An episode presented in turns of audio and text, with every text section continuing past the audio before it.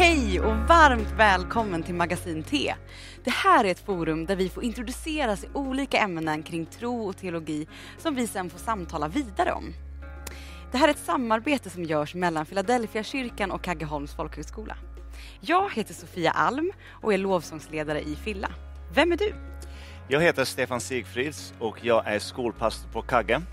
Eh, idag ska vi tala om min personliga Jesus och vi kommer att introduceras till det här ämnet av Ulrik Josefsson.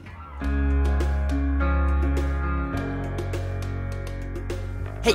Jag heter Ulrik Josefsson och jag ska tala med er om Jesus på temat My Personal Jesus. Det kommer inte att handla om The Pashmood men det kommer att handla om hur Jesus blev en personlig angelägenhet för miljontals människor runt över vår jord och genom historien. För ett gäng år sedan så följde jag en journalist på en veckotidning.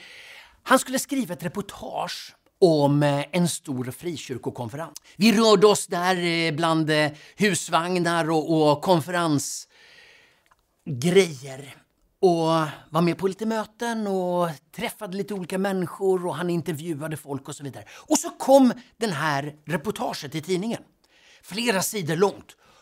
Och det första heluppslaget, det var en teckning över den här platsen och så stod det bara stort över hela texten. Jesus med flera bokstäver på varje bokstav i namnet Jesus. Det var hans slutkänsla när han hade varit på den här konferensen i flera dagar. Det här är ett gäng som pratar om Jesus hela tiden och på massa olika sätt. Varför pratar de så mycket om Jesus? Och varför blir det så mycket om de personliga erfarenheter? Och för en del människor så är det ju dessutom så här att även om man inte tror på Jesus så verkar Jesus vara en viktig person som kan vara ett, eh, ett ideal. Hur kommer det här sig? Det första vi kan se är ju att människor verkar skapa sig olika bilder av Jesus som är färgade av vad de själva tycker. En personlig bild av Jesus som lånar drag utav den kultur där det växer fram. I gamla fresker från Grekland och Rom ser man en Jesus som är sydeuropé. I den nicaraguanska bondemässan så framträder Jesus som en latinamerikansk bonde. Färgad utav de som beskriver honom. Bilden av Jesus präglas av situationen i samhället. Du vet, när jag växte upp på 70-talet, då var det fortfarande lite så här äh, proggkänsla och en stor förebild för många var Che Guevara, den här revolutionsledaren. Och Jesus lånar bild av Che Guevara och så trycktes det tröjor med Jesus som Che Guevara. Och på eh, ett av mina favoriter det är ju övergången från medeltid, senmedeltid, mellan högmedeltid och senmedeltid. 1200-tal till 1300-tal. 1200-talet präglas av otroligt starkt samhällsbygge och så 100 år senare så har allting rasat. En tredjedel av befolkningen har dött i den stora pesten. Och det intressanta är att Jesus på korset, på 1200-talet, så är han som en kung med kungakrona. Och det är liksom, så här stark är Jesus.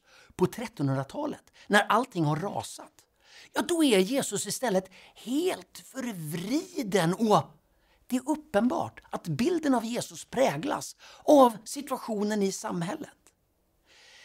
Och ganska ofta ser vi att Jesus placeras mitt i våra egna kulturella preferenser.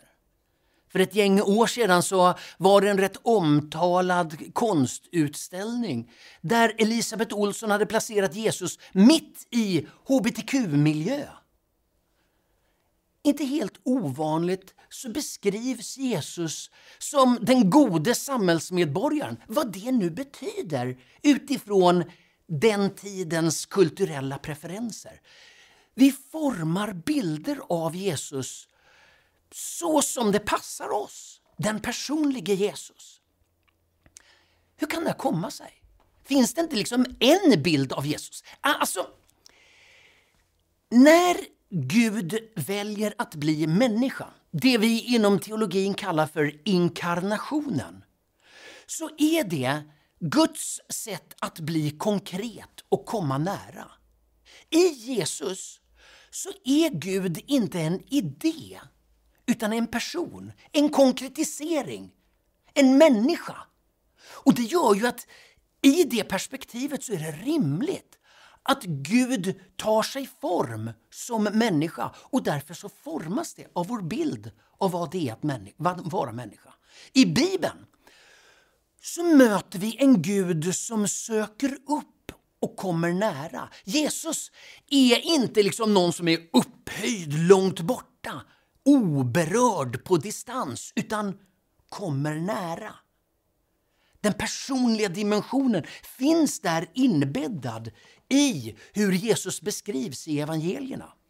Jesus blir Gud som blir människa för att ge människor möjlighet att få del av Gud. Det ligger inbäddat i teologin att den här kopplingen mellan det gudomliga och det mänskliga får sin brännpunkt i Jesus och därför så är det ju inte så konstigt att när vi formar oss bilder av Jesus, ja så präglas det av hur vi ser på honom och hur vi uppfattar det. Och Jesus är den som utan att behöva det, helt av fri vilja, väljer att bli människa och väljer att komma nära och väljer att bära alla människors utsatthet för att vi alla, människan, ska kunna komma Gud nära.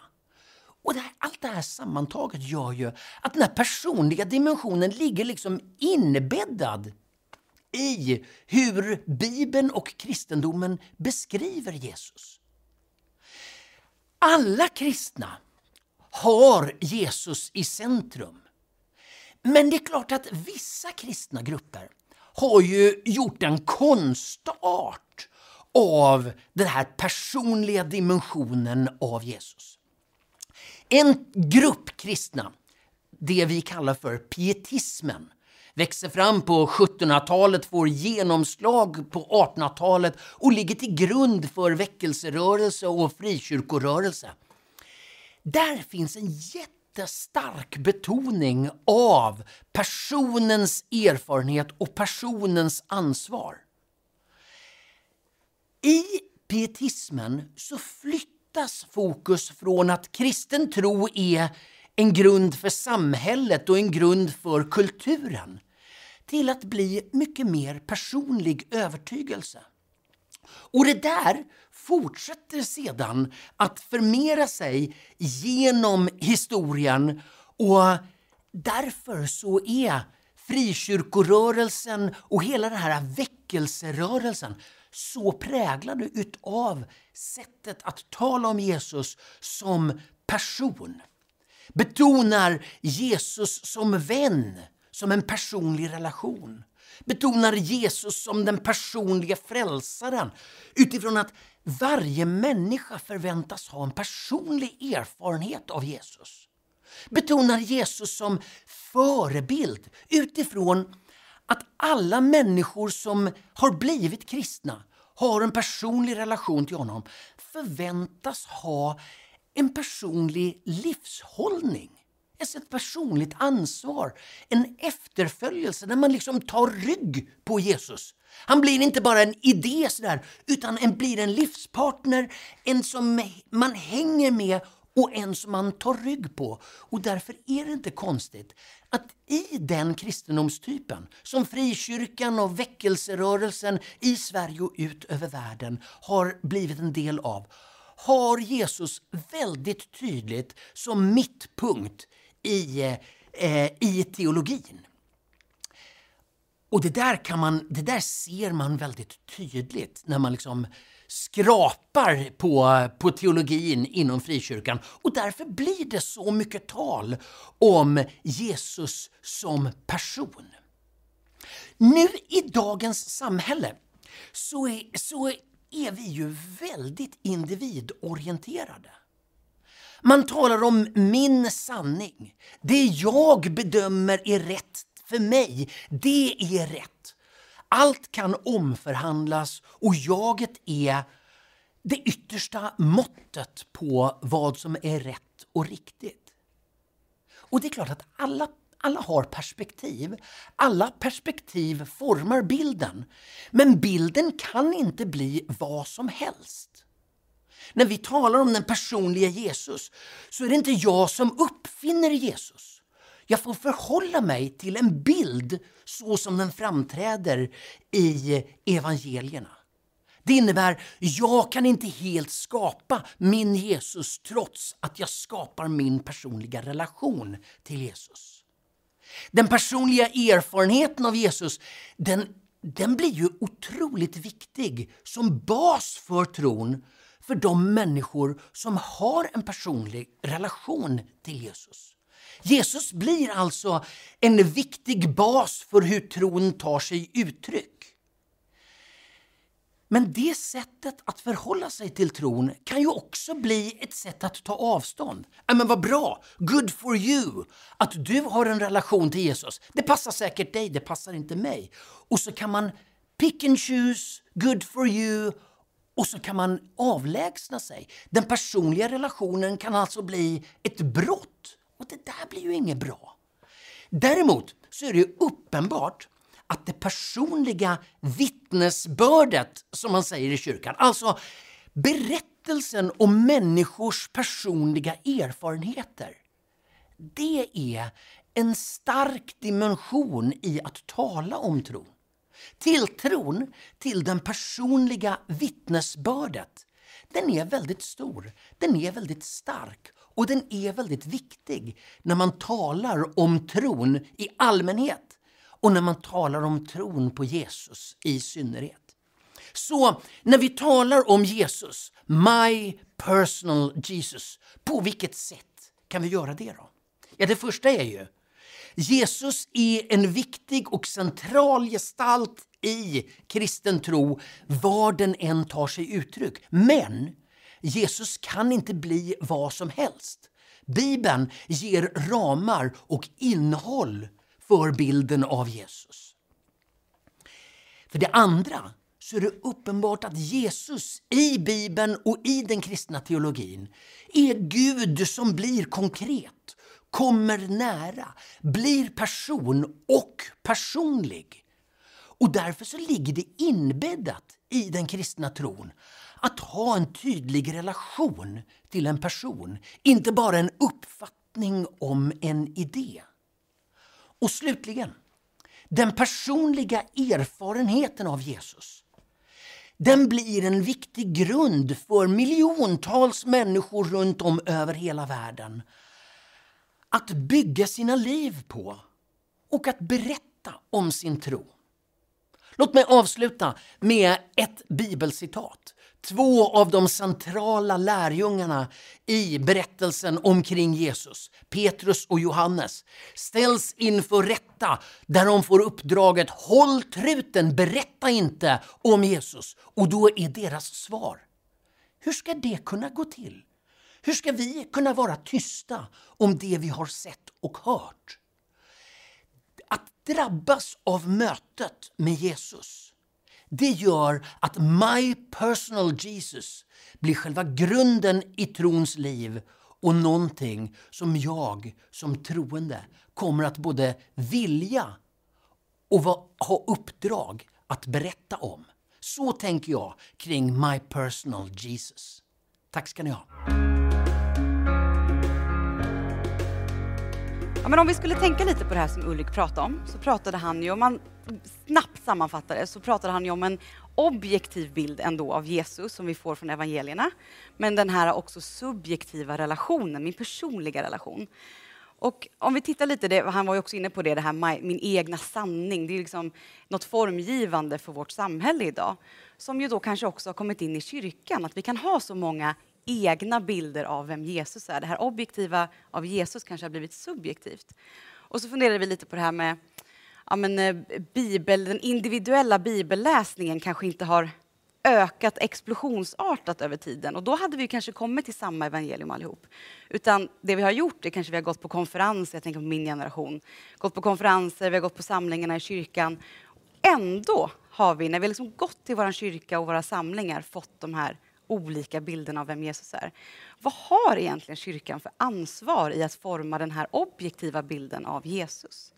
Hur tänker ni kring det?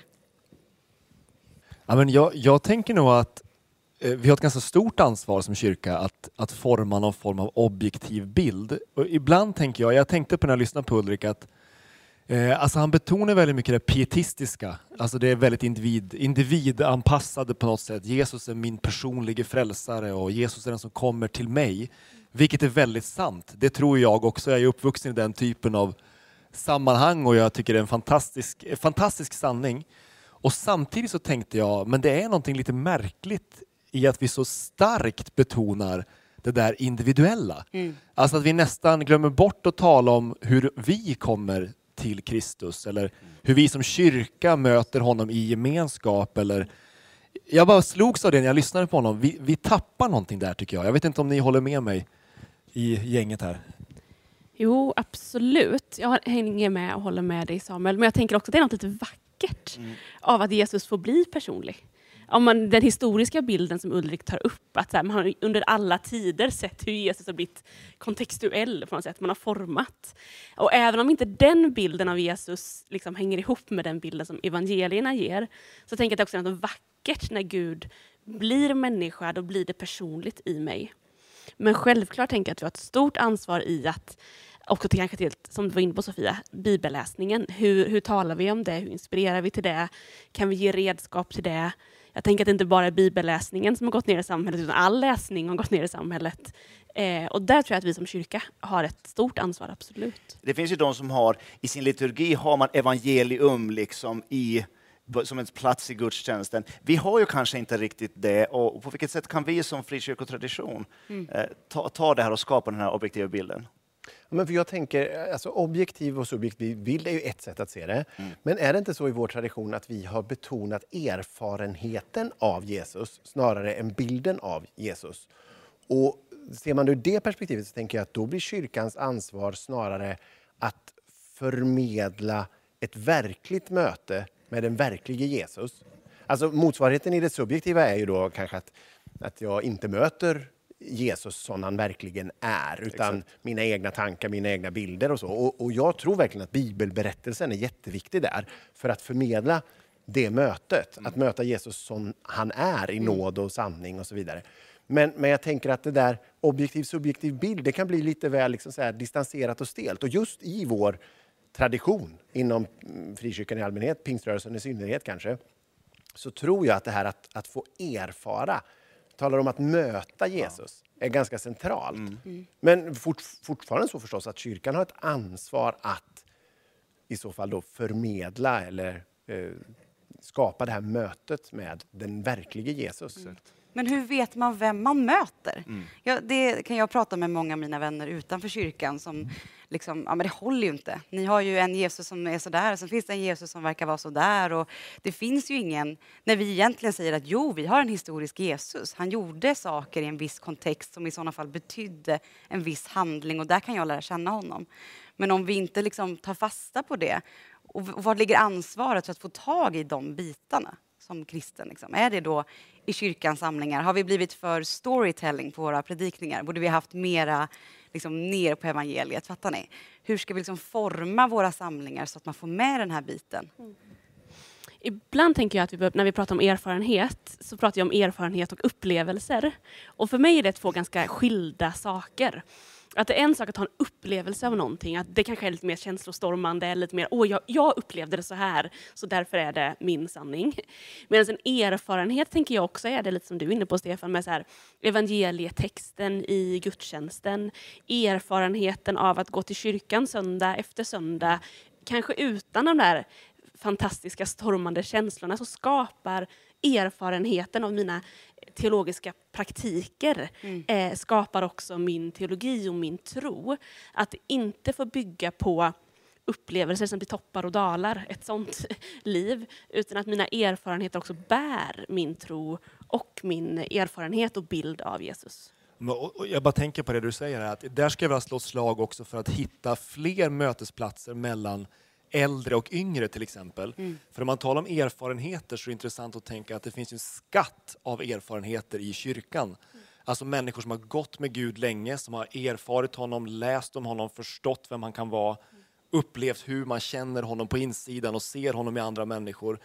Eh, och där tänker jag verkligen att den unga generationen eh, och den äldre generationen behöver få mötas. Liksom. Att vi kan hjälpas, hjälpas åt som kristna ledare att hitta de där mötesplatserna och skapa liksom kärleksfulla möten mellan människor på det sättet. Där tänker jag att man också på något sätt sållar ut, men vad är vad här?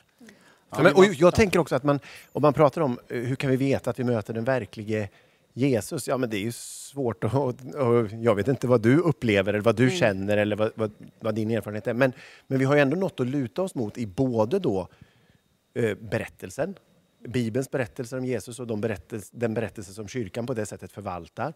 Men också kyrkans praktiker som du är inne på Frida. Alltså bön, eh, eh, gudstjänstfirandet i stort, eh, sakramenten, dopet, nattvarden. Det kanske inte vi har betonat så jättemycket, men någonstans tänker vi att det förmedlar ett möte med den verklige Jesus eh, på det sättet. Och också gemenskapen som en sorts sakrament. Eh, att, att liksom i den andra troende spegla sin tro, samtala så som vi gör här och på det sättet erfara, möta Jesus. Så jag tänker både Bibeln, sakramenten, förkunnelsen, gemenskapen. Där möter vi den verkliga Kristus. Mm. och det är kanske lite grann är svaret på den frågan, att, att hur, om vi tänker vi som kyrka, hur förmedlar vi den här erfarenheten eh, och, och den här, de här ramarna liksom för den bibliska uppenbarelsen om vem Jesus Kristus är. Men om vi går över till andra frågan, ni, ni, ni har lite grann eh, varit inne på den. Eh, jag tycker Ulrik gör det förtjänstfullt när han, han, han spelar inte ut det ena med det andra. Det är inte bara att eh, den, den objektiva upp, upplevelsen av vem Jesus är, utan det är också att vi är kallade till en relation till honom. Om vi fortsätter med kyrkans eh, sätt att arbeta och kyrkans, eh, eh kyrkans sätt att agera, hur kan, hur kan kyrkan vara med och hjälpa till så att människor får by, kan- bygga en relation till den här historiska Jesus som vi talar om. Eh, tänk lite på vilka forum behöver vi? Ha- har vi rätt forum? Har vi rätt prioriteter och sånt för att hjälpa människor in i den här relationen? Jag tror att vi måste tänka, vi var inne på det här att gemenskapen formar oss. Och att vi behöver också tänka att vi har ett gemensamt ansvar. Och där jag också tänker mycket på att hur rustar vi som församling föräldrarna som finns i vår kyrka till exempel för att ge sin tro vidare till barnen. Eh, ibland kan jag känna att vår förkunnelse kan bli väldigt individualistisk och personlig. Den påverkar mig, men också hur påverkar den människor runt omkring mig? Hur kan jag få vara ett redskap för att den människan bredvid mig ska få komma närmare Jesus? Hur kan jag som förälder få vara ett redskap för att mina barn ska få en tro på Jesus? Att inte bara alltid tänka på vad det gör med mig, utan också vad det gör med de som finns runt omkring mig. Min familj och i kanske smågruppen där jag finns eller sådär. Jag, jag tänker bara på en, en grej, eh, eller jag, jag tänker på en sak från min uppväxt. De människor som jag tog mest intryck av eh, under min uppväxt i kyrkan, det var en del av de här äldre personerna som, som jag såg var väldigt nä, alltså nära, eh, nära Gud i bön.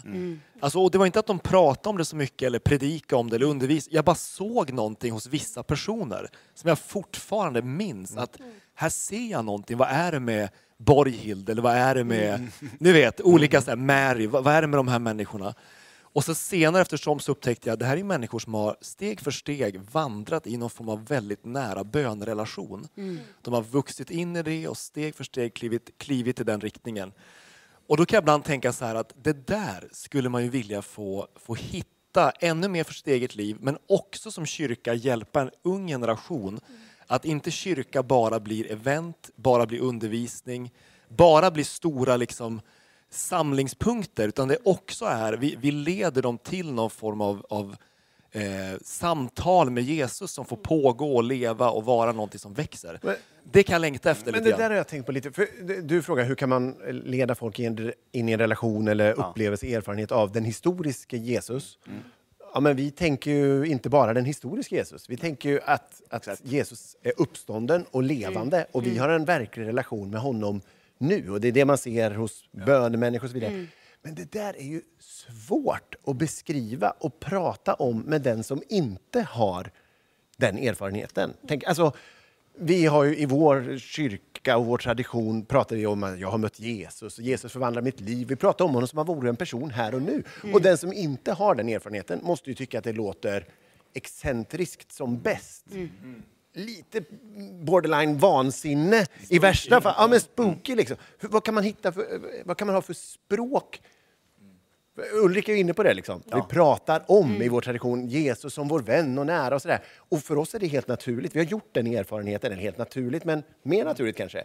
För den som inte har det, så min erfarenhet är att de tycker det där låter superkonstigt. Liksom. Kan, man, kan man hitta andra ord, uttryck? Alltså, vad- eller, eh, Men finns det inte en, om, man, om man tar båda de här, då blir det inte en ganska eh, härlig mix av det här. Att vi, vi talar om någonting objektivt, Bibeln ger ramar, vem Gud är, vem eh, beskriver Kristus Jesus, hur han kom och hur han var personlig. Och sen Agda som har en erfar lång erfarenhet av honom. När man, när, man, jag menar, när, när man som människa och individ kopplar ihop de här två, föds det inte en bild därifrån? Som är rätt trovärdig ändå, fast jag kanske inte själv har upplevt, upplevt den. Jo, absolut. Jag tänker att det är en trovärdig bild. Men jag tänker just språkbruket, liksom. hur det låter. Eller alltså...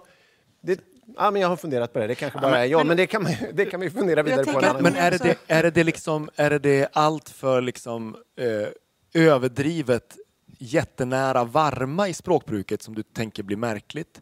Alltså att det känns för nästan för intimt i någon mening. men Men vad är det du pratar om här egentligen? Men jag, kan känna, ja, jag kan känna att en typ av språkbruk som funkar i en kyrklig kontext. Alla bara, ja, ja visst, jag, jag mötte Jesus och han förvandlade mitt liv och alla tycker bara det är så härligt. Om man skulle uttrycka sig på samma sätt bland sina vänner som inte är kyrkvana så skulle de, man, man känner själv i hela kroppen, så här kan jag inte uttrycka det. Det låter superkonstigt. Ja, ja Sofia, det här, det här, är, här finns det mycket att snacka om, det märker vi. Ja, ja, ja. Och jag, jag kände nu när vi liksom landade lite här att när vi började prata om den här relationen, då Ja. pratade vi ganska mycket, då kom vi in på det här med bönen och de här bönekvinnorna. Liksom. Och då kände jag bara, men har vi verkligen det utrymmet i vår kyrka idag? Eller är det den här lilla, lilla kvarten i slutet på söndagen när man får tillbe och då ska vi klämma in tillbedjan, bön och lovsång? Liksom, är det det vi har för relationsbiten, Exakt, då kanske inte det räcker. Nej, nej. Och det är, egentligen, det är egentligen det här som vi vill att ni ska fortsätta och att samtalet ska få fortsätta hemma eh, bland era vänner och där ni, där ni finns. Att, att, hur gör vi det här i praktiken? En, en personlig Jesus och en relation till honom. Hur, hur funkar det här? Det tycker vi att vi, ska, att vi alla ska snacka vidare om.